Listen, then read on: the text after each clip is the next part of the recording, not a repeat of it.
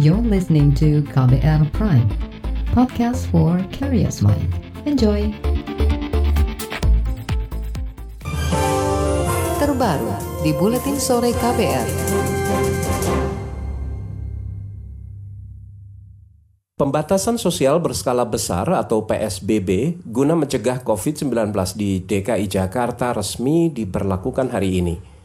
Gubernur DKI Jakarta Anies Baswedan meminta masyarakat Jakarta tidak keluar rumah kecuali untuk memenuhi kebutuhan pokok. Aktivitas perkantoran dan dunia usaha di sektor-sektor tertentu juga wajib dihentikan.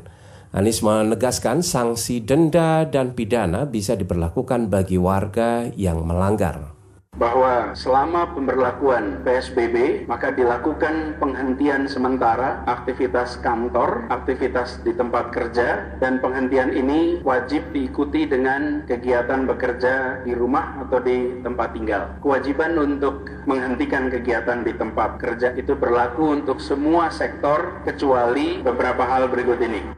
Gubernur Jakarta Anies Baswedan juga menyebutkan beberapa pengecualian tempat aktivitas di luar rumah Pengecualian di antaranya kantor atau instansi pemerintah, kantor perwakilan negara asing atau organisasi internasional, kantor BUMN dan BUMD yang menangani pandemi COVID-19, serta pelaku usaha di sektor kesehatan, pangan, energi, komunikasi, dan keuangan. Asosiasi Pengusaha Retail Indonesia Aprindo memastikan seluruh jaringan pusat perbelanjaan seperti minimarket, supermarket, dan grosir tetap buka meski ada pemberlakuan pembatasan sosial berskala besar atau PSBB di Jakarta.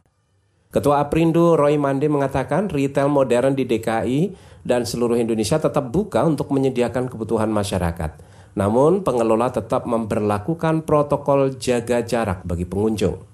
Kami memastikan kepada seluruh masyarakat atau konsumen khususnya di Jakarta bahkan juga seluruh Indonesia bahwa seluruh anggota retail modern, anggota-anggota dari Asosiasi Pengusaha Retail Indonesia APRINDO yang terdiri dari minimarket, supermarket, hypermarket, bahkan wholesaler dan grosir itu memastikan bahwa kita tetap akan buka seperti biasa, normal, Ketua Asosiasi Pengusaha Retail Indonesia Aprindo Roy Mande menyebutkan sejumlah toko retail juga membatasi jam operasional hingga pukul 6 sore. Selain itu, pengecekan suhu tubuh juga diberlakukan bagi konsumen serta ada pemberlakuan jaga jarak antrian di kasir. Aprindo juga memastikan ketersediaan pasokan kebutuhan pangan di retail-retail modern. Sejumlah fasilitas umum khususnya sektor transportasi di DKI Jakarta terpantau sepi di hari pertama penerapan pembatasan sosial berskala besar atau PSBB hari ini. Selain karena pembatasan sosial, lengangnya fasilitas transportasi juga karena bertepatan dengan hari libur nasional. Kepala Sekretaris PT Moda Raya Terpadu MRT Jakarta Muhammad Kamaludin menyebutkan jumlah penumpang kereta cepat KMRT saat ini berkurang hingga 90 persen. Kebetulan hari ini hari libur, nah, tapi nanti ketika hari kerja kami harapkan semua perusahaan juga uh, patuh peraturan pemerintah ya. Itu tadi Kepala Sekretaris PT Moda Raya Terpadu MRT Jakarta Muhammad Kamaludin. Selain MRT, jumlah pengguna kereta rel listrik atau KRL juga turun drastis. Sebelum corona mewabah, setiap hari libur pengguna KRL biasanya masih cukup padat, khususnya penumpang dari stasiun besar Bogor dan Tanah Abang. Tapi mulai hari ini relatif sepi. Sementara dari pantauan kamera CCTV, sejumlah jalan protokol di DKI Jakarta juga hari ini terpantau sepi. Hingga siang ini tidak terlihat kepadatan kendaraan di ruas-ruas jalan seperti ruas Jalan Sudirman, Bundaran HI hingga Jalan MH Tamrin. Sementara CCTV Smart City Jakarta juga memperlihatkan tidak ada kepadatan penumpang di halte maupun di bus Transjakarta. Sejumlah ruas jalan yang biasanya ramai oleh pengemudi ojek online seperti ruas Rasuna Said juga sepi. Aplikator ojek online seperti Grab dan Gojek meniadakan layanan antar jemput penumpang. Presiden Joko Widodo mengucapkan terima kasih kepada masyarakat yang telah mengikuti anjuran pemerintah untuk tetap berada di rumah selama pandemi COVID-19. Menurut Jokowi, tanpa adanya gotong royong dan kepatuhan dari semua kalangan, akan sulit memutus mata rantai penyebaran virus tersebut. Saya juga ingin mengucapkan terima kasih kepada Bapak Ibu dan saudara-saudara yang telah tinggal di rumah Karena dengan berada di rumah, kita semua telah berupaya memutus mata rantai penyebaran virus COVID-19 dan artinya telah menyelamatkan banyak keluarga dari virus ini. Mari kita terus bersama-sama menangani pandemi ini, bergotong royong, bersatu padu, Presiden Joko Widodo juga mengucapkan terima kasih kepada para dokter, perawat, dan tim medis yang berada di garda terdepan penanganan COVID-19. Begitu juga anggota TNI Polri yang menjalankan tugas mengamankan dan mencegah pergerakan masyarakat. Saudara, pemerintah mengalihkan cuti bersama Lebaran 2020 guna menekan penyebaran virus corona. Informasi selengkapnya hadir sesaat lagi tetaplah di Buletin Sore KBR. You're listening to KBR Pride, podcast for curious mind. Enjoy!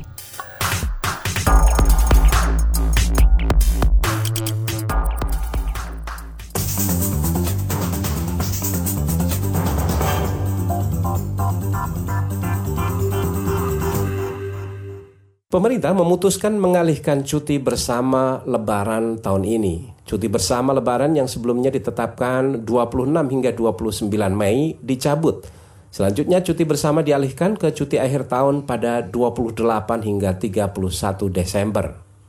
Menko Pembangunan Manusia dan Kebudayaan Muhajir Effendi mengatakan pengalihan itu untuk mengantisipasi mudik lebaran dan mencegah penyebaran virus corona atau COVID-19. Sedangkan libur lebaran tetap dilangsungkan 24 dan 25 Mei 2020. Muhajir juga mengimbau masyarakat untuk tidak mudik mobilitas atau pergerakan orang antar provinsi akan benar-benar dibatasi dan diprioritaskan hanya untuk distribusi logistik dan keperluan medis. Menjelang datangnya bulan Ramadan di tengah pandemi COVID-19, Kementerian Agama mengimbau seluruh aktivitas ibadah dilakukan di rumah saja.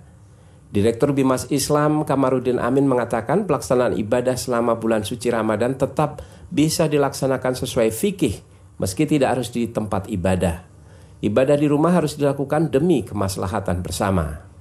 Dan dalam pelaksanaan ibadah puasa tersebut kita berharap uh, buka puasa bersama ditiadakan, sholat taraweh dilaksanakan di rumah masing-masing, kemudian nuzulul Quran juga akan ditiadakan, begitu juga pelaksanaan tadarus di masjid akan ditiadakan. Itu tadi Dirjen Bimbingan Masyarakat Islam Kamarudin Amin. Sebelumnya Kementerian Agama telah mengeluarkan surat edaran tentang panduan ibadah Ramadan dan Idul Fitri di tengah pandemi COVID-19. Selain agama Islam, pemerintah juga mengimbau seluruh agama untuk meniadakan ibadah yang bersifat pengumpulan massa. You're listening to KBR Pride, podcast for curious mind. Enjoy!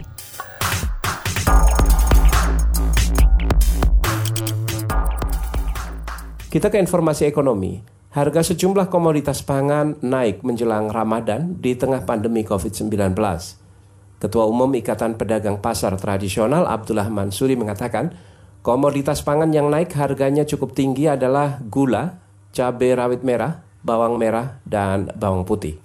Yang pertama gula ya, gula pasir. Harga normalnya kan 13.000. Sekarang sudah 18.300 sampai 18.600. Cukup jauh. Yang kedua, cabai rawit merah sudah di kisaran 60.000. Ini menurut saya agak berbahaya karena cabai rawit merah itu standarnya sekitar 40.000. Sekarang sudah di angka 60.000. Bawang merah juga begitu juga naik dari 40.000 ke 53.000.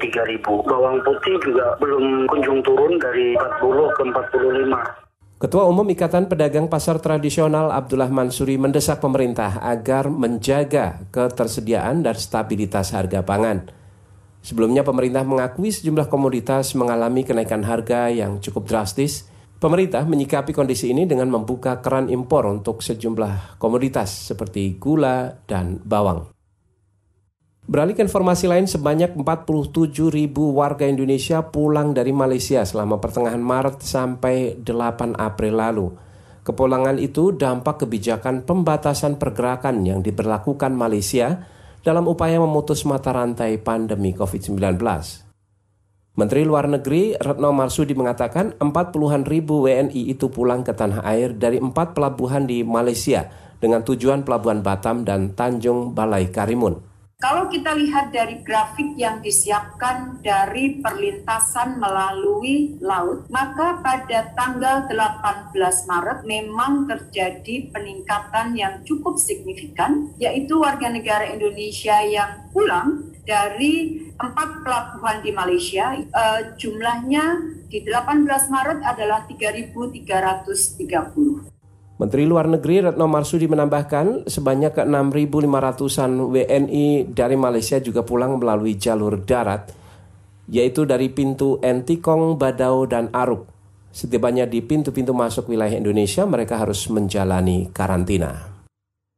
Kita ke informasi mancanegara. Para menteri keuangan di Uni Eropa menyetujui paket penyelamatan sebesar 500 miliar euro atau sekitar 8,7 kuadriliun rupiah untuk negara-negara di kawasan itu yang terdampak pandemi COVID-19. Meski telah mencapai kesepakatan, tapi para menteri menolak permintaan negara Prancis dan Italia untuk mengeluarkan semacam corona bonds yaitu utang untuk membagi biaya krisis. Jumlah paket ini juga lebih kecil dari harapan Bank Sentral Eropa yang memperkirakan jumlahnya mencapai tiga kali lipat. Laporan khas KBR tentang stigma dan diskriminasi di era COVID-19 akan hadir usai jeda. Tetaplah bersama Buletin Sore. You're listening to KBR Pride, podcast for curious mind. Enjoy!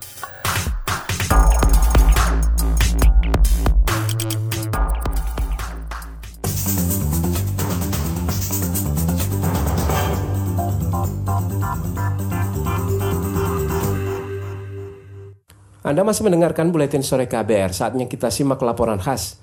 Stigma atau stempel negatif dan diskriminasi bermunculan di masa pandemi COVID-19. Sasarannya beragam, mulai dari pasien, keluarga pasien, hingga tenaga medis, bahkan jenazah. Edukasi guna meluruskan cara pandang tentang corona perlu dimasifkan. Simak laporan yang disusun tim KBR dibacakan Eka Juli. Seiring mengganasnya COVID-19, stigma liar ikut merebak dan sulit dibendung. Saat ini, apa pun yang diduga terkait COVID berpotensi menjadi sasaran praktik diskriminasi. Di Jombang, Jawa Timur misalnya, pemakaman jenazah Ratno Yuniarto sempat ditolak warga Desa Plandi karena dicurigai sebagai pasien COVID. Padahal, surat keterangan dokter menyatakan Ratno tidak menderita penyakit menular. Hal itu diungkapkan Budi, kakak almarhum. Kalau diagnosanya DOA, DOA itu hanya sesak nafas atau jantung, tapi di sini orangnya bilangnya surat-suratnya kurang. Akibat penolakan itu, jenazah Ratno tertahan sekitar satu hari di dalam mobil ambulans di Rumah Sakit Umum Daerah RSUD Jombang. Sementara Budi pontang-panting mencari surat keterangan ke rumah sakit tempat adiknya dirawat di Surabaya. Saya balik ke Surabaya, saya minta surat lagi. Dokternya kan dokter jaga, nggak tahu. Akhirnya nunggu, kasih surat lagi. Kalau ternyata yang jenazah itu tidak menular. Katanya di sini setengah lima, oke okay lah, udah bu bisa. Gitu. Saya tinggal ke kelurahan, ke kelurahan udah tutup. Balik lagi ke sini, ke sini katanya suratnya kurang minta visum, minta apa. Terus saya tanya lagi, nunggu dirundingkan dulu. Jenazah Ratno akhirnya bisa dimakamkan. Tetapi di desa sebelah, yakni Kaliwungu. Namun, perangkat desa setempat menuntut pemakaman sesuai prosedur COVID, meski Ratno bukan pasien corona. Berikut pernyataan Lurah Kaliwungu, Arif Wijaya. Nah, Alhamdulillah dari keluarga juga sudah bisa menerima masukan dari Pelandi dan Kaliwungu. Alhamdulillah dan pada intinya nanti Rukem akan memfasilitasi terkait dengan liang lahat dan sarana prasarana. Kondisi miris seperti ini juga beberapa kali terjadi di daerah lain. Yang sempat viral adalah penolakan pemakaman jenazah pasien positif di Banyumas, Jawa Tengah. Bupati Banyumas Ahmad Hussein sampai turun tangan langsung untuk memastikan jenazah bisa dimakamkan. Belajar dari kasus ini, Ahmad lantas menyediakan lahan khusus untuk pemakaman pasien COVID. Inisiatif dari warga juga mulai muncul. Sebuah pesantren di Banjarnegara, Jawa Tengah siap memberikan sebagian lahannya sebagai tempat pemakaman pasien corona. Pengasuh Pondok Pesantren Tanbihul Holifin Alif Ba, Hayatul Maki. Bahwa ini kok keterlaluan banget gitu loh ya. Padahal itu kan fardu kifayah. Yang meninggal orang Islam. Nah, kenapa kok kemudian sama-sama umat Islam kok menolak yang namanya jenazah seperti itu. Padahal mereka itu kan ya sudah mati. Pemahaman terhadap virus corona ini kan memang harus diedukasi sampai ke tingkat akar bawah. Aparat TNI Polri kini ikut diterjunkan untuk mengamankan pemakaman pasien COVID. Menteri Agama Fahrul Razi mengklaim keterlibatan aparat dalam mengawal pemakaman jenazah pasien COVID efektif dalam meminimalkan penolakan warga. Kami sudah berusaha maksimal untuk melakukan uh, sosialisasi dan sekarang akan lebih menjadi lebih baik karena sebetulnya bukan mereka tidak tahu, mereka tahu cuman dia tidak mau. Tetapi setelah ada ancaman atau katakan ada ketegasan dari pihak penegak hukum, polisi dan tentara yang mengawal jenazah itu kelihatannya sudah berlangsung lebih baik pada saat ini dan ke, sampai sejauh ini tidak dengar lagi ada yang bermasalah dengan itu mudah-mudahan. Kepala daerah daerah didesak segera memastikan edukasi ke warganya untuk mengikis stigma terhadap korban COVID-19. Peneliti Komnas HAM, Kania Rahma Nureda mengatakan, imbauan pemuka agama tidaklah cukup, tetapi perlu dibarengi aksi nyata pemimpin daerah. Menurutnya, diskriminasi terhadap pasien, keluarga, petugas medis hingga jenazah COVID tidak boleh dibiarkan. Berbagai eh, organisasi keagamaan juga telah memberikan pernyataan untuk tidak menolak jenazah pasien COVID-19. Kemudian juga diperlukan dari pimpinan daerah yang memberikan edukasi eh, bahwa stigmatisasi itu sebenarnya memberikan keresahan kepada masyarakat. Beberapa kepala daerah sudah mengeluarkan imbauan agar warga tidak menolak jenazah pasien COVID. Di Jawa Barat, Gubernur Ridwan Kamil lewat media sosial mengunggah video saat dirinya menghadiri pemakaman pasien berstatus dalam pengawasan atau PDP. Ridwan memastikan seluruh pemakaman pasien COVID sesuai protokol Organisasi Kesehatan Dunia atau WHO sehingga tidak ada resiko penularan. Karena secara ilmiah dari kedokteran menyatakan 7 jam sejak jenazah itu meninggal, maka virus itu sudah mati, kemudian diperkuat oleh pembaleman, desinfektan oleh rumah sakit, dibungkus oleh plastik dan ditutup oleh peti mati sehingga tidak ada lagi peluang yang namanya virus untuk hidup. Demikian laporan yang disusun tim KBR. Saya Eka Juli. Informasi dari daerah akan kami sajikan usai jeda tetaplah di Buletin Sore KBR. You're listening to KBR Pride, podcast for curious mind. Enjoy!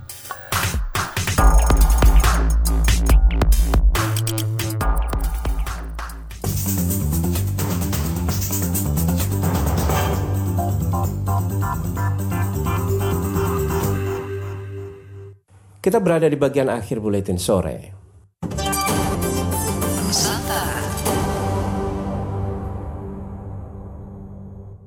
Kita ke Jawa Tengah. Pemerintah Kabupaten Rembang menyegel belasan warung kopi karena melanggar aturan siaga corona. Informasi selengkapnya disampaikan reporter radio jaringan Musyafa dari Radio R2B Rembang.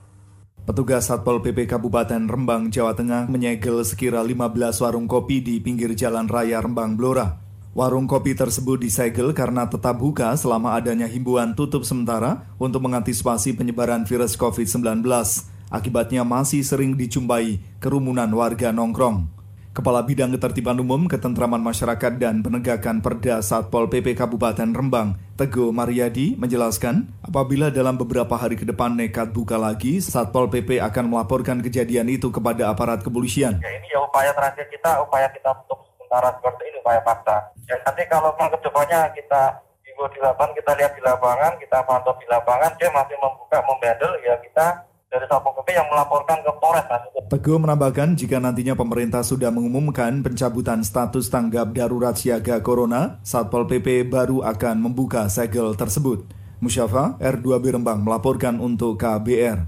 Kita ke Jawa Timur. Gugus Tugas Percepatan Penanganan COVID-19 di Kabupaten Jombang mengkarantina 700-an warga yang baru datang dari luar kota.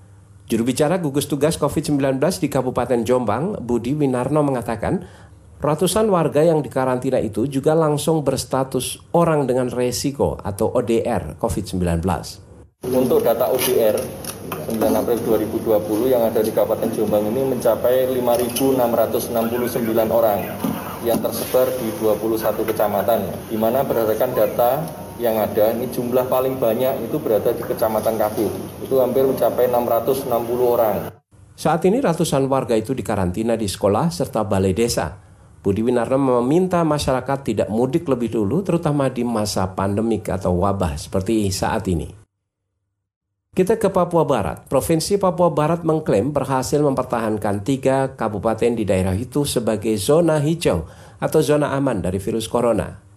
Juru bicara Provinsi Papua Barat untuk penanganan COVID-19 Arnoldus Tiniap mengatakan tiga kabupaten itu adalah Pegunungan Arfak, Tambrau, serta Kabupaten Maibrat. Di tiga daerah itu belum ada satupun orang berstatus orang dalam pemantauan atau ODP pasien dalam pengawasan atau PDP apalagi pasien positif virus corona. Berdasarkan data terakhir kemarin, jumlah pasien positif COVID-19 di Papua Barat belum ada penambahan, masih tetap dua kasus di kota Sorong. Informasi tadi menutup jumpa kita di Buletin Sore hari ini. Pantau terus informasi terbaru melalui kabar baru, website kbr.id, Twitter at berita KBR, serta podcast di kbrprime.id. Akhirnya, saya Agus Lukman undur diri. Salam.